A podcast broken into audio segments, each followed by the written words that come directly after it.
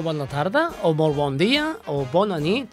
Depèn des de l'emissora que ens sentin i com ens sentin. Molt bé. Bon Escolta- dia, bona tarda, bona nit. Sí. Bueno, que, que avui estem sols, eh? Hola, Carme. No trobes a faltar res? Sí. A l'Albert el tenim malalt. Sí. A l'Albert Castro. No Albert Castro, posa't bo, te trobem a faltar.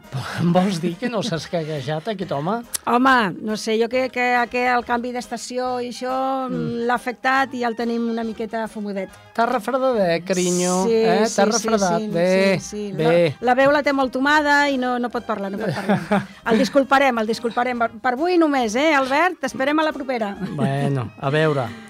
Avui, Doncs què, avui què tindrem? Avui tenim un sumari bastant complet. Tenim Mhm. el tema del dia, Sí, que és de l'esport inclusiu, no? Exacte, parlarem d'una jornada que van eh, celebrar fa uns dies a, a Vilafranca del Penedès i als monjos i us explicarem què és tota l'activitat que van portar a terme. Parlarem de la Federació Catalana de l'Esport Adaptat i ho farem mitjançant una entrevista que es va realitzar a aquesta casa al senyor Josep Jiménez. És així, no, Carme? Sí, és el president de la Federació Catalana d'Esport amb Discapacitat Física. Ens va acompanyar en aquesta jornada i conjuntament amb la federació és gràcies que podem fer tota aquesta activitat i vam comentar, vam parlar amb ell i ens va contestar unes preguntes. A aquest programa parlem també de l'altra economia. Sí, avui l'Antoni Puparelli ens farà una miqueta de, de resum de l'infrafinançament dels serveis d'atenció a les persones amb discapacitat. Per exemple, que a vegades, eh, sabent que això és una miqueta complicat, doncs ens ens ho farà una miqueta més proper i més, més atractiu. Molt bé, com complicat és el nom. Com has dit que es deia?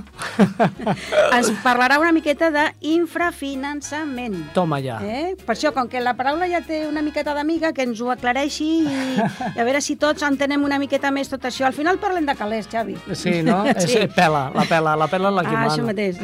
Carme, parlem també de l'altra mirada. Sí, aquest és el company l'Eugeni, Sí. que com vam parlar l'altra vegada és un company que és invident i ell sempre fa aquesta altra mirada. Eh, Aquesta vegada em sembla que ens parlarà de l'escola inclusiva, inclusiva perdó, i les dificultats que moltes persones tenen per accedir a aquesta escola inclusiva.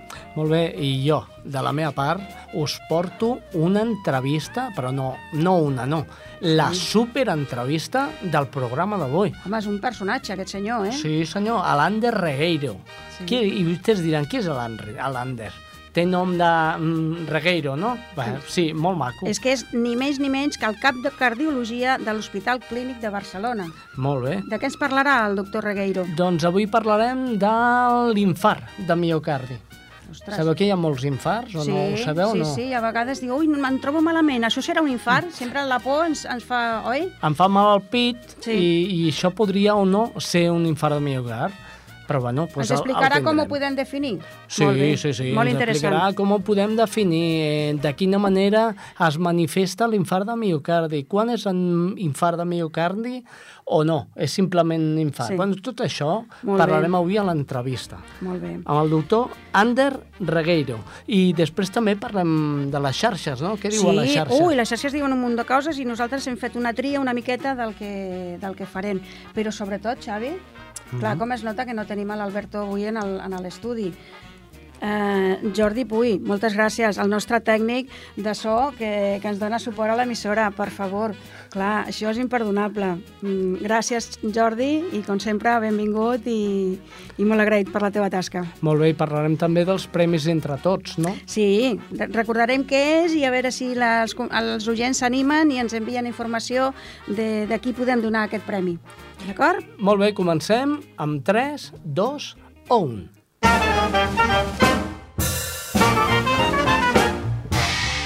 I avui a l'Entre Tots eh, parlem del tema del dia, Carme. Sí, hem escollit aquest tema perquè fa uns dies van eh, celebrar a Vilafranca, que és on tenim la seu central, eh, una jornada, vam estar tot el dia, al matí vam estar a la Rambla Central i van portar una activitat esportiva, inclusiva i adaptada. Això vol dir esports que la poden practicar qualsevol persona, tingui discapacitat o no, i inclusiva perquè això és per tothom, per la persona que tingués una discapacitat o no. Eh, la van fer conjuntament amb la Federació Catalana de- d'Esport Adaptat a persones amb discapacitat física, que des d'un començament tenim conveni de col·laboració amb amb ells i juntament, òbviament, amb l'Ajuntament la, amb de, de Vilafranca. Què van fer? Doncs a la Rambla Central eh, van fer un espai separat en, en, en valles eh, i van eh, practicar quatre esports diferents. En un espai es podia practicar bàsquet, amb cadira de rodes, amb un altre es podia fer eh, hockey, també en cadira, en, en aquest cas eh, podia ser cadira elèctrica o bé cadira manual, amb stick o sense, Eh, amb un altre, el, el boxia, que pel que no conegui és una mena de, de petanca, has de llançar la, la pilota ah. i, i hi ha diferents pilotes d'en colors i has de fer una puntuació concreta, no? Mm. I l'altre era l'eslàlon. L'eslàlon és fer un recorregut determinat amb, amb una cadira de rodes i això és el que fa que la persona que practica eh, aprèn i, i pren consciència de la dificultat que té eh, doncs, eh, bellugar-te per la via pública amb una cadira de rodes, per exemple, no? Doncs la veritat és que va ser, va ser un èxit perquè altres vegades ho havien fet més a la zona esportiva, que està més cap a, cap a les enfores del, de la ciutat, i el fet de portar-ho al centre, música, un diumenge al matí, amb parada informativa tant de la federació com nostra, eh, va haver empreses de, de la comarca com eh, Cafès Novell o La Granja que van col·laborar i, i entre tots va poder oferir doncs, eh, un cafè solidari, que dèiem, no? i ens ajudava a recuperar una miqueta de, de calerons per poder subvencionar les despeses despeses, les assegurances i demés d'aquesta jornada. No? El resum que nosaltres de, entre tots fem d'aquesta activitat és molt positiu perquè vam posar eh, en un espai tan cèntric com és la Rambla l'esport adaptat que qualsevol persona gran o petita, infant, jove o adult, eh, pogués practicar-ho i per una estona poder passar-ho bé i compartir amb, amb tots nosaltres. No?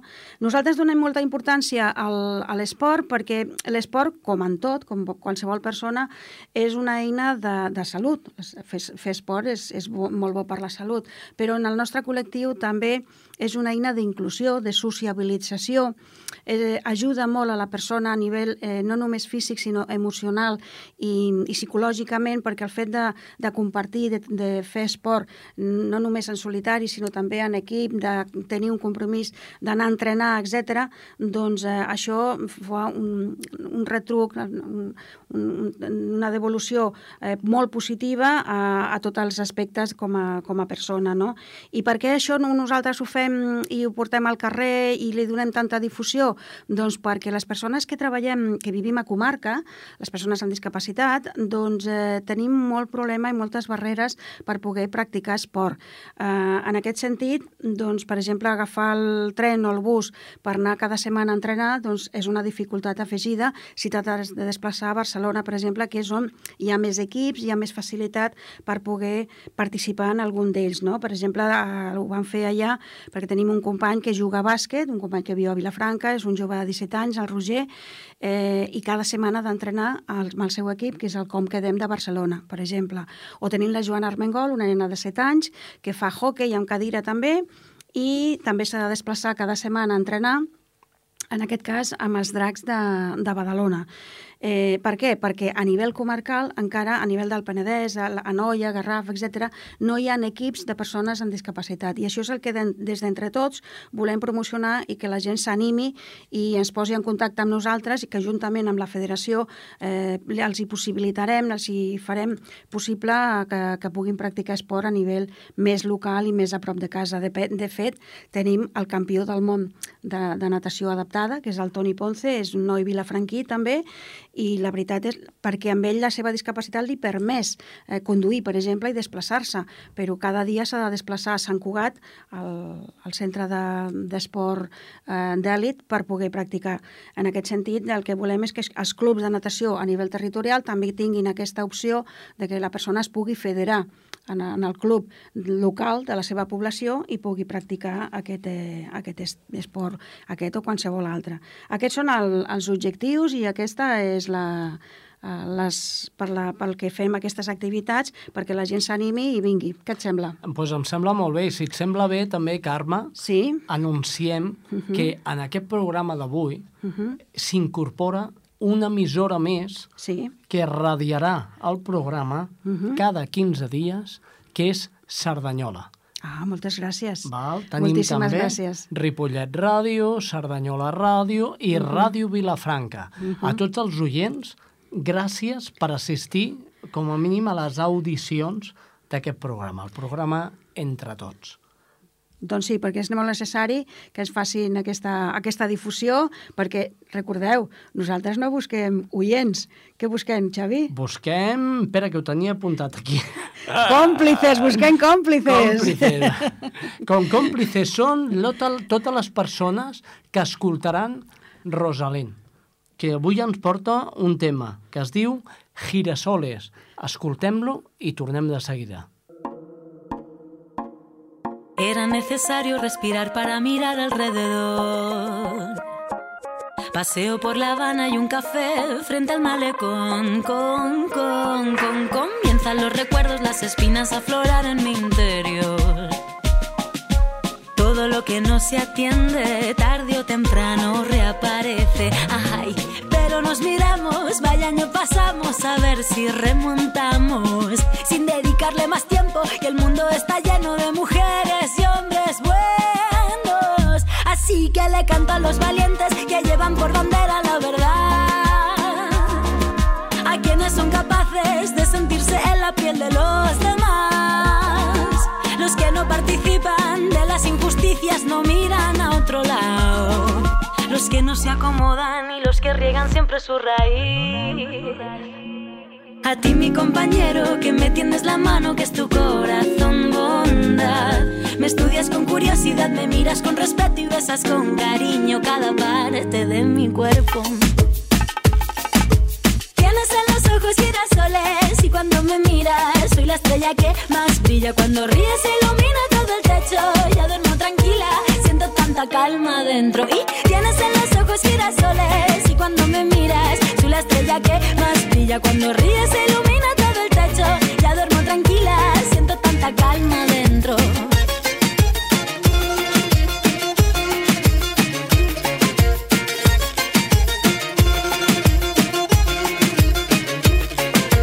Es necesario revivir para poder saborear. Encajo las ideas, reflexión para mejorar. Ah, ah, ah. Antes de un gran impulso doy un paso pequeñito para atrás. Todo lo que no atendí vuelve siempre a resurgir. Pero sonreímos, vaya si vivimos todo lo que aprendimos. No le dedicaré más tiempo, pues el mundo está lleno de mujeres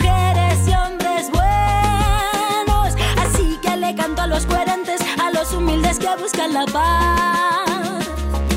A los seres sensibles que cuidan de otros seres y saben amar.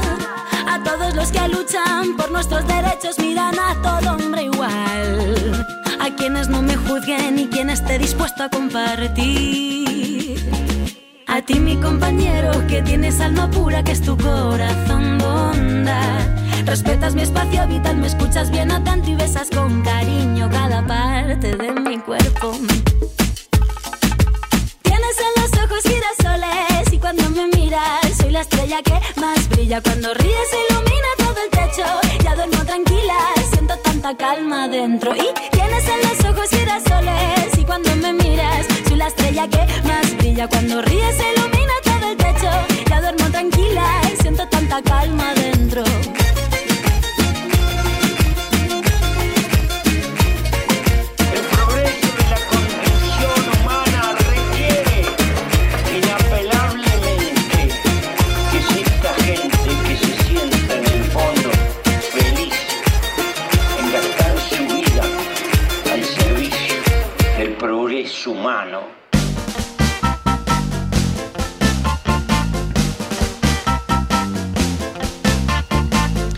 I entre tots, avui, com hem dit, parlem de- d'esport de, inclusiu i eh, també d'aquesta jornada que parlàvem abans ens va acompanyar el president de la Federació Catalana d'Esports eh, per Persones amb Discapacitat Física, el senyor Josep Jiménez.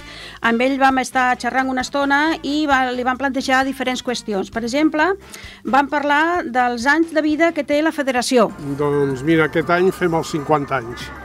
Uh, el 12 de novembre de l'any que ve, que és la data que ens van donar la benedicció papal oficial, vull dir que van aprovar els estatuts, pues farem, serà la cloenda de d'una commemoració que al llarg de tot l'any que ve anirem fent a diferents llocs per donar-nos més a conèixer i perquè tothom sàpiga que existim, què fem i on ho fem i on vulguem fer-ho, que és a l'altre. També vam parlar amb el Josep de quantes persones hi ha federades actualment a la Federació Catalana d'Esports amb Discapacitat. Aproximadament, entre iniciació i competició, unes 600. Li van demanar que ens expliqués una miqueta eh, quants, eh, quantes disciplines d'esports acull i quantes eh, són aquestes que pot oferir la federació. La federació acull eh, 18 esports, alguns d'ells l'alta competició està transferida a les diferents federacions, però vull dir, tenim atletisme, natació, eh, bàsquet en cadira de rodes, hockey en cadira de rodes elèctrica, slalom, eh, bòquia, petanca, que aquests són, són diguem-ne, propis, i hi ha altres que estan transferits, tenis, tenis taula, vela, eh, hípica, eh, vull dir, també ens va explicar el Josep Jiménez eh, quina és la relació entre federacions, eh, sempre parlant de l'àmbit de, la, de la discapacitat, eh, quina és la relació que hi ha entre federacions? Bueno, normalment, eh, amb totes les federacions que fem nosaltres els esports, eh, tenim bones relacions i, i hi ha força esprit de col·laboració.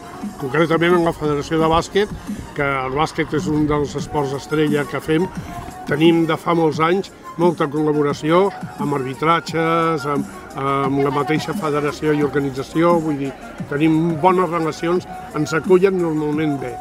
Li van demanar que ens expliqués també la principal dificultat amb les que es troben en el dia a dia. Bé, com a federació, a banda, naturalment, de les dificultats econòmiques, que aquestes són endèmiques de totes les associacions, federacions i, i entitats, però vull dir, bàsicament és la poca difusió que hi ha dels nostres eh, esports, de les nostres activitats, el desconeixement moltes vegades de què es fan, una mica derivat d'això, de la poca difusió que hi ha, i les dificultats intrínseques que té el que per practicar alguns dels nostres esports suposa que la gent s'ha de desplaçar, alguns d'ells són dependents i necessiten que els desplacin i això suposa doncs, eh, que hi hagi mm, moltes dificultats per poder con, conjuminar eh, la seva activitat amb l'activitat de la persona que l'ha d'acompanyar i mm, els que estan fora de les grans poblacions doncs també que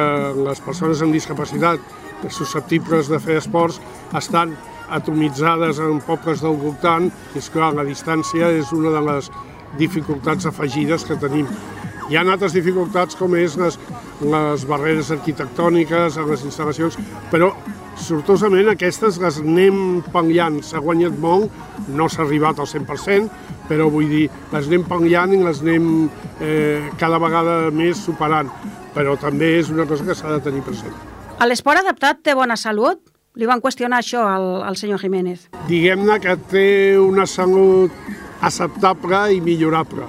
Eh, té en alguns aspectes molt bona salut, eh, tenim molts campions paralímpics, una prova és que, per exemple, els últims campionats del món de natació eh, la, fa, la delegació espanyola va tindre eh, 11 medalles, eh, 7 de les quals van ser nostres i una altra que era de relleus en participació nostra també, vull dir que anem més. La nostra lliga de bàsquet eh, mm, tenim uns equips susceptibles d'augmentar, hem fet un nou equip ara a Lleida, estem mirant a veure si fem en altres llocs, vull dir que bones perspectives, bona lluita, però amb totes aquestes dificultats que tenim i sobretot la falta d'esponsors i les dificultats econòmiques pues, creen molts problemes. També ens interessa molt, com entre tots, saber quin és el nivell de participació de la dona a l'esport adaptat. Eh, jo voldria que fos més, esta jo diria que és superior a el que és l'esport estàndard en general, però s'ha de, de reactivar i facilitar que pugui ser més. És evident que eh, una, afortunadament les, les, les noves generacions ja van superant la idea però la idea aquella més antiga de persones grans de que arribat un cert moment la dona s'apartava de les activitats per fer dedicar-se allò que en deien sus labores, pues, també estava dintre del nostre món. Ja dic, sortosament les noves generacions ho van superant i cada vegada n'hi ha més. I jo crec que estem en un moment acceptable, diria que estem entre una tercera part i un 40% de participació, quan hauria de ser el 50 o més, perquè de fet hi ha més dones que homes, per tant.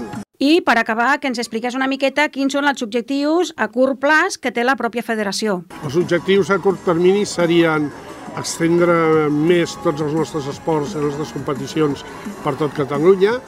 Eh, hem obert una delegació a, a la Catalunya Central, a Manresa, on ja hi ha un equip de, de rugby, de quac rugby. Eh, la nostra il·lusió fora que aquí eh, al Penedès també es fes un, un grup fort i hi hagués una participació.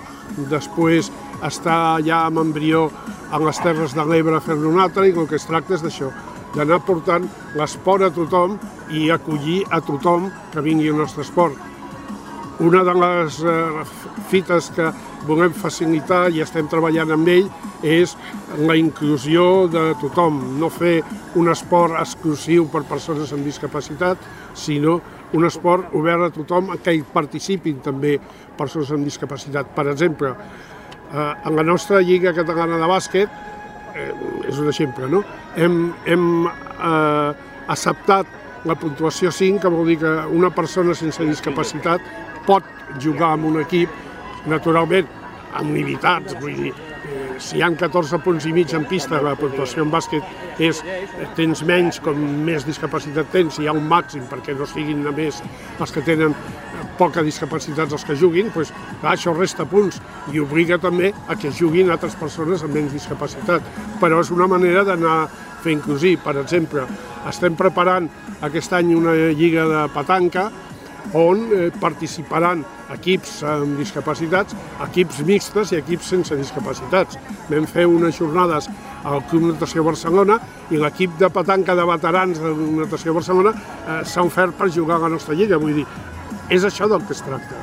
Eh, L'esport ha de ser obert a tothom i participar per tothom. Moltíssimes gràcies. Agraïm al senyor Jiménez la, la seva participació i la facilitat eh, que ens aporta sempre que, que fem alguna activitat plegat. Moltes gràcies a la federació i al seu president.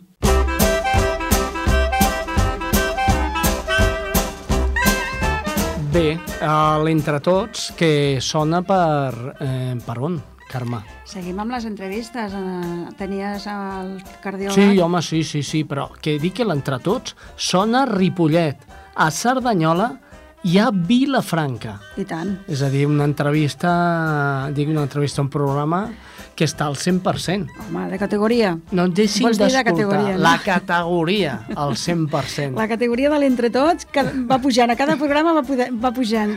Es van incrementant les emissores que emeten el programa. Per cert, Carme, tu saps... Com se sap si tens un atac al cor o no? Ai, això és complicat, eh? perquè a vegades t'hi trobes malament i hi ha diferents símptomes que a vegades ens confonem. És veritat, eh? Perquè, oi, tinc una pressió, em fa mal, um, el braç esquerre, o, o era el dret, no, que és, és veritat, eh? Doctor Regueiro, buenos días. Hola, ¿qué tal? Buenos días, gracias por la entrevista. Muy bien, ¿en qué consiste esta campaña, doctor? La campaña consiste en hacer una serie de acciones para aumentar el grado de conciencia del infarto agudo de miocardio, del infarto de corazón, y para que la gente sea consciente de la importancia del infarto y que sepan que con saber cuatro simples conceptos pueden ayudar a salvar la vida de una persona. Eh, estos conceptos, Mire, eh, como usted lo había resumido muy bien, el infarto en el corazón, el infarto de miocardio es una enfermedad que es muy frecuente y no solo frecuente, sino grave. El infarto de miocardio puede llegar a tener consecuencias importantes que pueden acabar, pues, con consecuencias eh, importantes que pueden llegar a quitar la vida de la persona.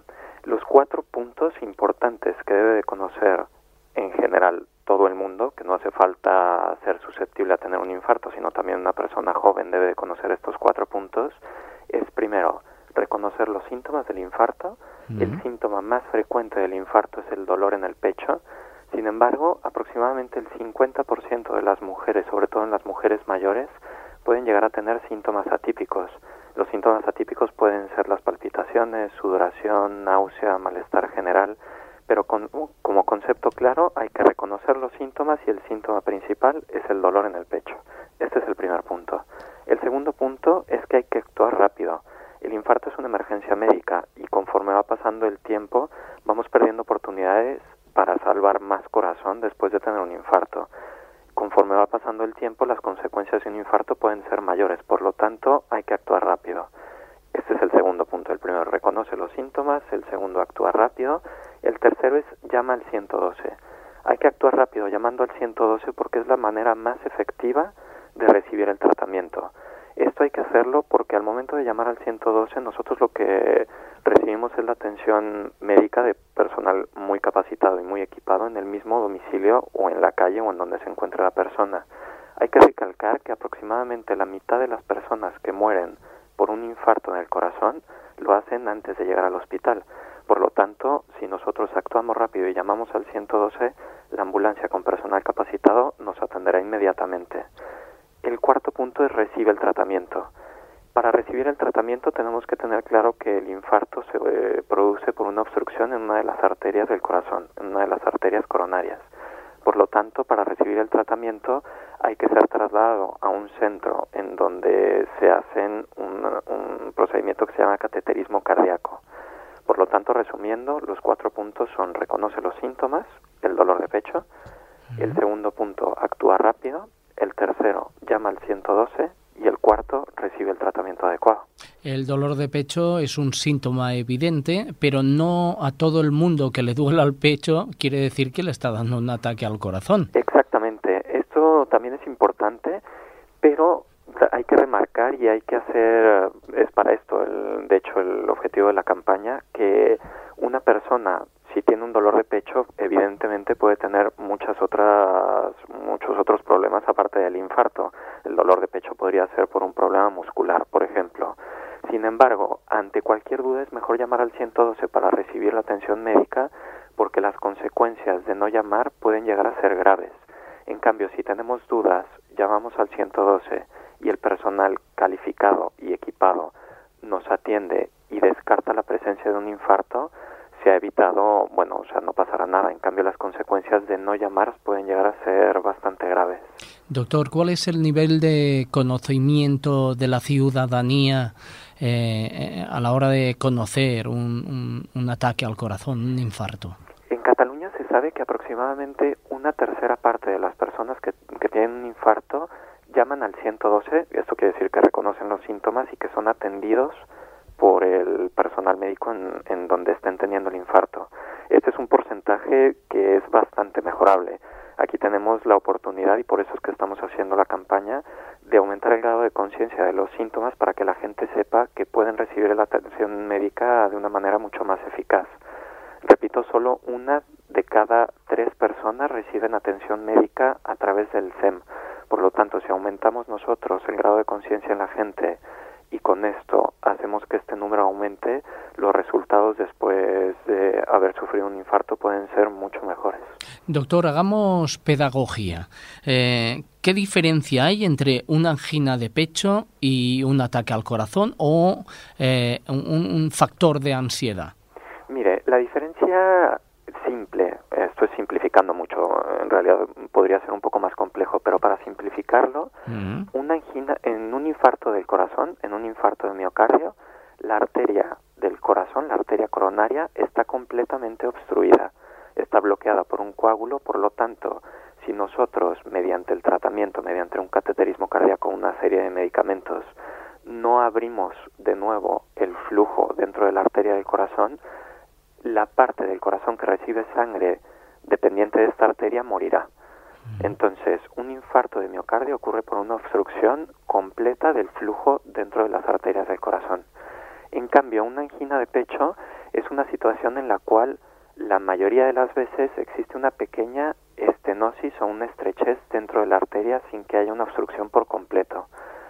Y esto se puede ejemplificar de una manera muy sencilla. Una persona tiene una angina de pecho pues por ejemplo, cuando si está sentado está tranquilo, su corazón está latiendo a unos 60 latidos por minuto, En cambio, si tiene que empezar a subir escaleras y hacer un poco más de esfuerzo, el corazón tendrá que trabajar un poco más. Si en este corazón existe una pequeña estrechez en una de las arterias, el flujo no será el suficiente y por lo tanto empezará a tener eh, dolor de pecho. Cuando esta persona deja de hacer esfuerzo y el corazón deja de latir más rápido y la presión empieza a disminuir, el flujo se vuelve a recuperar y el dolor de pecho desaparece. Por lo tanto, en la angina de pecho, la mayoría de las veces el dolor se desencadena en el esfuerzo y se quita en el reposo. En cambio, en el infarto de miocardio, en el infarto del corazón, como la arteria está completamente obstruida, este dolor puede ocurrir en reposo y no se quitará hasta que el tratamiento no haya sido capaz de abrir la, la arteria. ¿Qué es lo que hace que, la gente tenga infartos de miocardio y anginas de pecho? ¿Estamos tan podridos, y perdone la expresión, que nos está dando que o, el nivel de anginas de pecho y miocardio no son tampoco tantos? No, es evidente que el problema de la enfermedad de las arterias del corazón es muy, muy prevalente. De hecho, la principal dentro de, junto con las enfermedades de las arterias del cerebro, o sea, las enfermedades del aparato cardiovascular son la principal causa de muerte no solo en Cataluña, sino en España y en Europa. O sea, es una enfermedad muy, muy prevalente. ¿Y qué es lo que hace que esta enfermedad sea tan prevalente? Bueno, pues la presencia de factores de riesgo. Una persona tiene mayor riesgo de tener un infarto cuando tiene alguno de los factores de riesgo que mencionaré a continuación. Los factores de riesgo se pueden dividir en unos que podemos modificar y otros que no se pueden modificar. Los hmm. que no se modifican, por ejemplo, sería la edad. Conforme una persona va cumpliendo años, aumenta el grado de riesgo de tener un infarto en el corazón. Si usted encuentra, no podemos hacer nada. Si usted encuentra una solución para solucionar el tema de la edad, usted, usted me lo dice. Sí, sí, sí, nos ganaremos el Nobel, pero no, para esto evidentemente no se podrá solucionar. Por lo tanto, entra dentro del grupo de factores de riesgo que no se modifican. La edad junto con el sexo, ser hombre o mujer, y los factores genéticos. Una cosa también muy importante para remarcar es que la enfermedad de las arterias del corazón y el infarto de miocardio no es exclusivo de los hombres.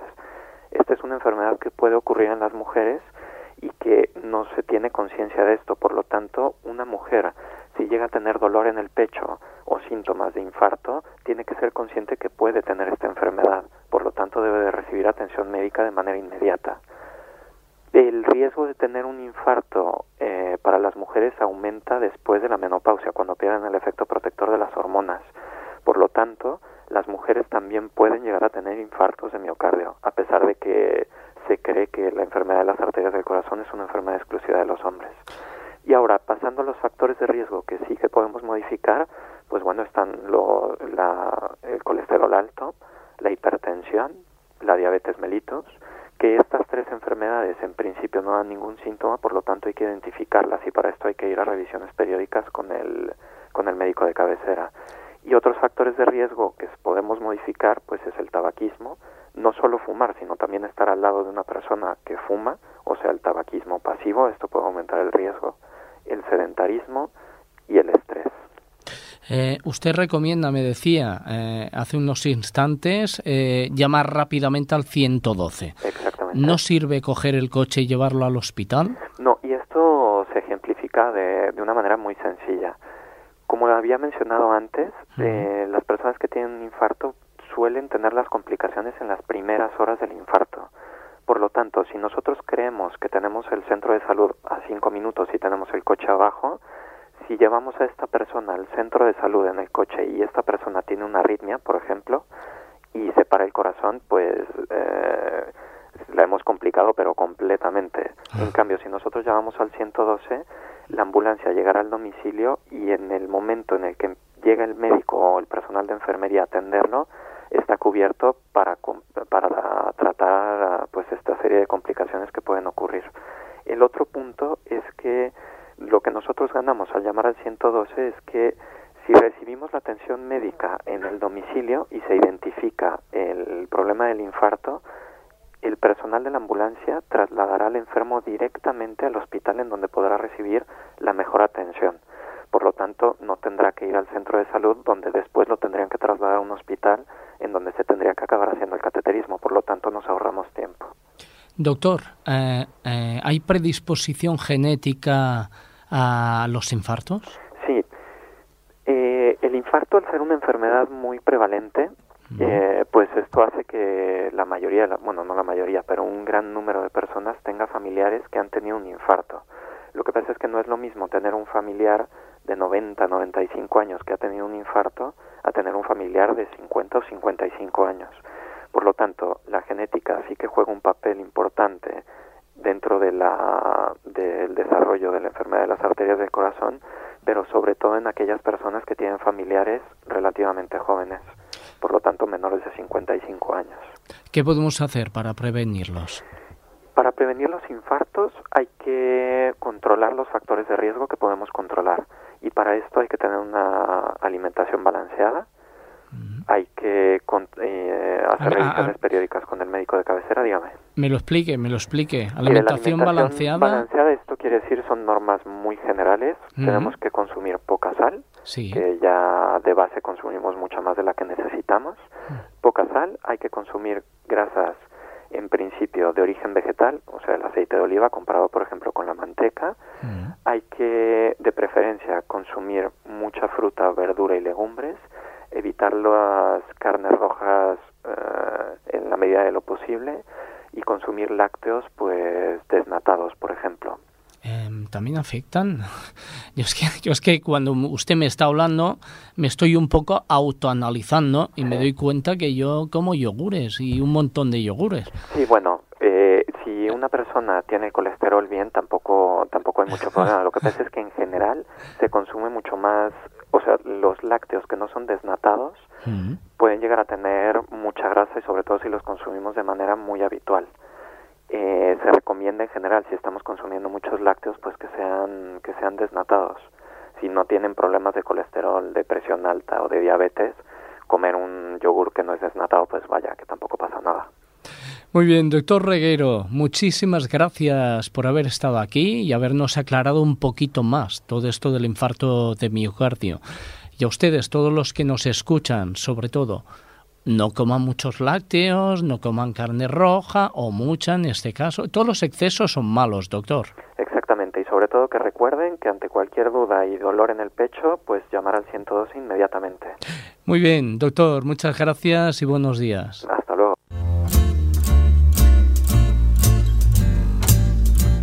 Realment important. Has sentit l'entrevista. No tothom eh, que tingui un cop al pit o que noti una pressió al pit vol dir que té un infart de miocard. Clar. No sé. No, no ens hem d'espantar, però eh, la informació, com dèiem abans, eh, és poder i sempre va bé tenir aquesta informació directa de grans professionals com el cardiòleg que hem tingut avui, sí. que ens assessora i ens explica realment tinc un infart o no tinc infart. Haig d'anar ràpid a l'hospital o m'haig de relaxar i respirar i estar més tranquil. I el que m'ha quedat molt clar uh -huh. és que no podem menjar làctics tot el dia, perquè no. per culpa dels làctics ve també l'infart de miocard. I si no, pregunti-li al doctor Ander Regueiro que per això és cardiòleg, de sí, l'Hospital sí, sí. Clínic de Barcelona, una eminència. Uh -huh. Molt bé. I ara què ve, Carme? Ara parlarem d'una altra mirada. Molt bé. Veus? Parlarem d'una altra mirada perquè ara tenim el company Eugeni Sánchez, a Entre Tots, que també és un col·laborador habitual, és professional de, de la ONCE i també col·laborador de diferents espais de ràdio, com aquest, per exemple, l'Entre Tots.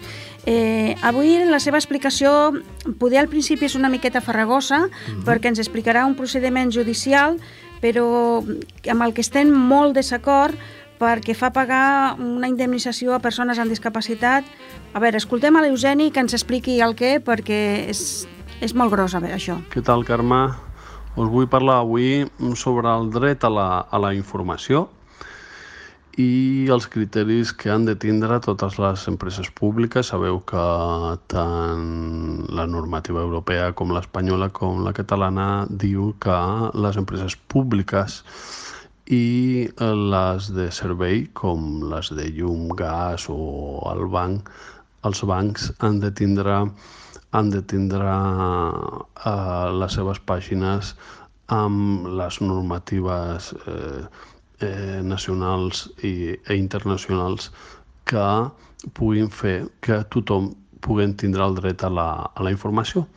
Doncs bé, fa molts anys que ACIC, que és eh, l'Associació Catalana per la Integració del Sex, estava pressionant a Renfe perquè tinguessin la pàgina web amb aquests criteris d'accessibilitat d'accessibilitat perquè quan entraves a les seves pàgines web, les persones amb discapacitat eh, visuals no podíem accedir ni als preus, ni als horaris, ni molt menys eh, comprar un bitllet de, de forma autònoma. Doncs després de pressionar molt amb, amb, amb la pròpia Renfe i ells no posar-hi cap, cap solució, el que fa l'associació és eh, fer una denúncia administrativa al Ministeri de Sanitat. El Ministeri de Sanitat, això va ser el 2013, eh, aquesta denúncia, el 2015, eh, i tot i que van, tenien tres informes tècnics fet per, per ells mateixos que avalaven que efectivament eh, Renfe no s'estava regint amb aquests criteris, doncs es culpa a l'empresa eh, i arxiva l'expedient, argumentant la, la secretària d'Estat del moment que no ho estaven fent en mala voluntat. Davant d'això, el que fa l'associació és elevar-ho a la via judicial i fa una denúncia a l'Audiència Nacional. L'Audiència Nacional, a banda d'això, l'associació, a banda de, de portar en la seva denúncia als tres informes del Ministeri, afegeix un altre eh, que corrobora efectivament això, que no s'estava complint la normativa internacional internacional d'accessibilitat web. Doncs bé, la, quart, la quarta sala de l'Audiència Nacional resol a favor de Renfe perquè diu que la normativa s'estava incomplint però no en la suficient eh, intensitat. Tot això, aquesta sentència, no la fonamenta amb criteris tècnics de, de, dels informes aportats per l'associació. La, I és clar, l'associació veu que s'estan vulnerant tots els seus drets fonamentals i per sobre de tot el dret a la informació i el que fa és un recurs de cassació al Tribunal Suprem.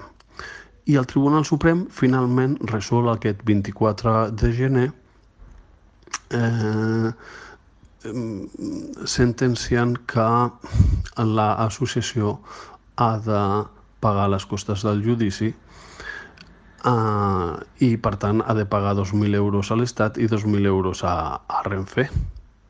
I per què?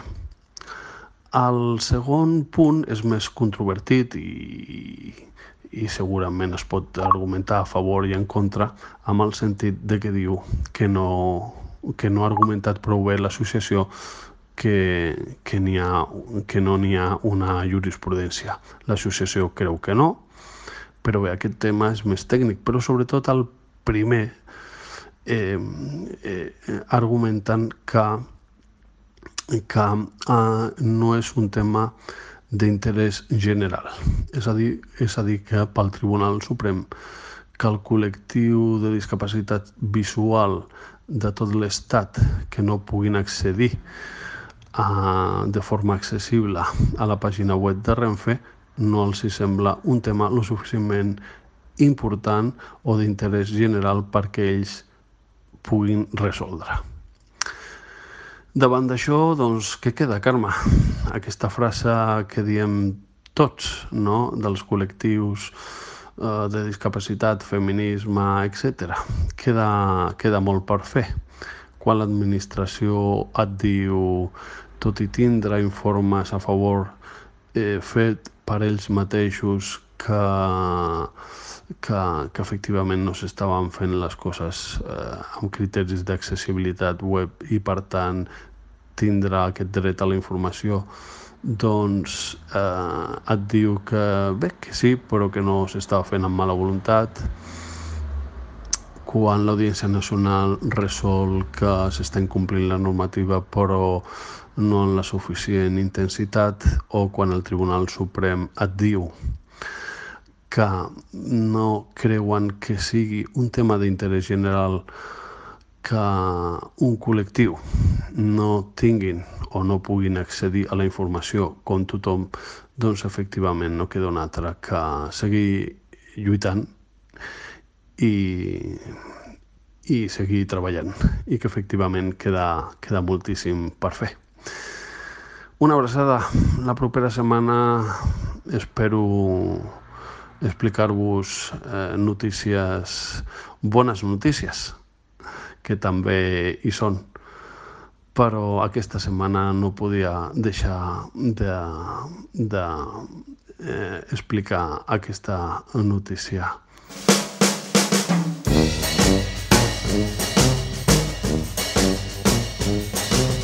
I seguim entre tots i ara farem un repàs una miqueta de què diuen les xarxes, oi, Xavi? Doncs sí, senyora. Sí, sí, què diuen les xarxes? Senyors, posin l'orella ben a prop del seu sintonitzador de ràdio. Comencem. Sabadell millorarà l'accessibilitat al complex esportiu de Gràcia amb un ascensor i plataformes d'accés a les grades. Doncs sí, sí, s'ha instal·lat o s'estan fent obres per instal·lar aquest assessor que facilitarà l'accessibilitat i unes plataformes d'accés a les grades perquè les persones que puguin gaudir amb algun tipus de discapacitat doncs que puguin gaudir del, de l'esport que es practiqui en, en aquestes instal·lacions. Es preveu la construcció d'un bloc adossat a la façana principal d'uns 30 metres quadrats per planta que permetrà la, la col·locació de l'ascensor i d'un sanitari adaptat juntament a la zona central i accés al, al vestíbul de la, de la primera planta i això facilitarà, eh, òbviament, tota l'accessibilitat d'aquest complex esportiu de l'Ajuntament de Sabadell. Molt bé, associacions de persones sordes reivindiquen la seva diversitat comunicativa. Doncs sí, perquè aquests dies també s'ha celebrat el Dia Internacional de les Persones Sordes. Des d'entre tots eh, parlem de qualsevol tipus de discapacitat física i orgànica o sensitiva i en aquest cas les persones sordes eh, són el 97% de les persones eh, es comuniquen d'una forma auditiva, és a dir, la persona és sorda però ha après a comunicar-se d'una forma eh, auditiva. En aquest sentit, hem de dir que a Catalunya, a, a nivell d'escola, a l'etapa infantil dels estudis obligatoris i postobligatoris, hi ha un total de 2.118 alumnes amb, amb discapacitat auditiva i d'aquests 1.933 estan escolaritzats en modalitat educativa de llengua oral. Per tant, des de les entitats, per exemple, la Federació d'Associacions Catalanes de Pares i Persones Sordes, a CAPS, eh, reivindiquen l'escola inclusiva i el que els alumnes amb algun tipus de discapacitat auditiva puguin accedir-hi no només oral, sinó també en, en llengua de signes i en tots els suports tècnics que necessitin.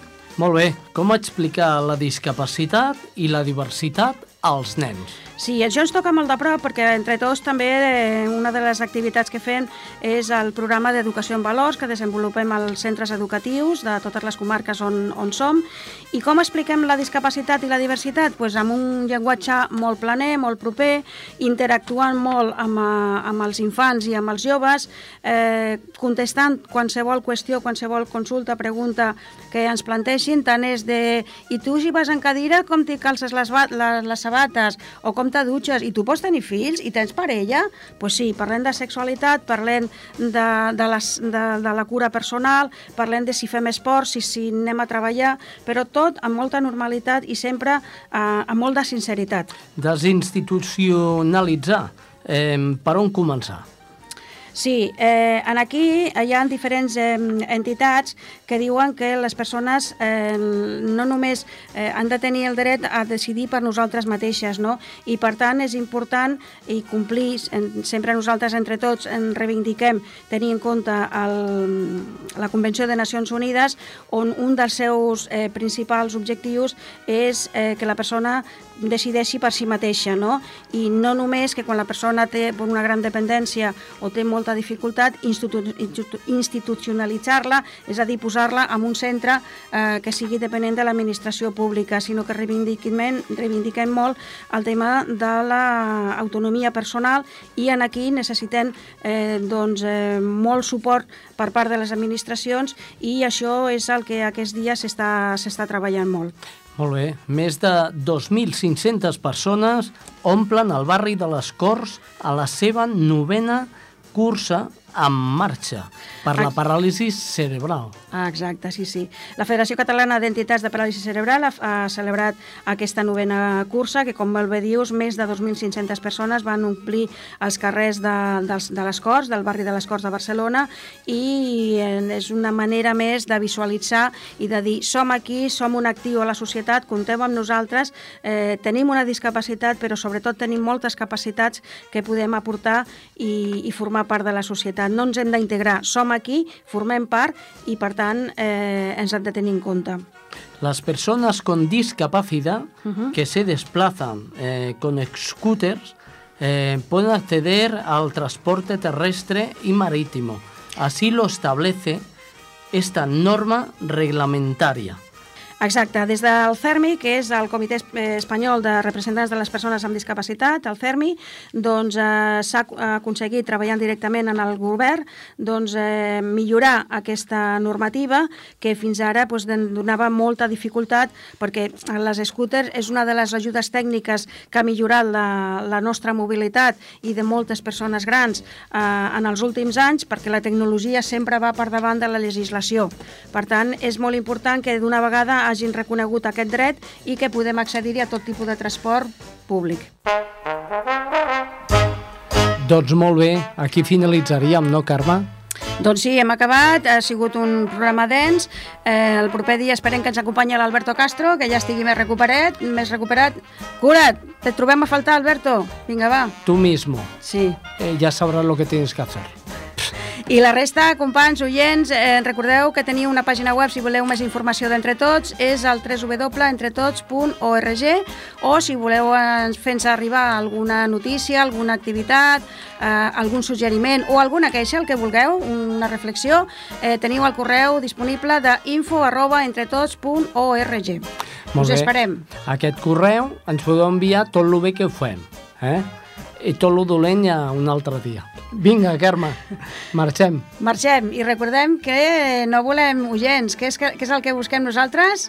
Complicitats! Complicitats. Fins la propera! Ah, vinga. We'll do it all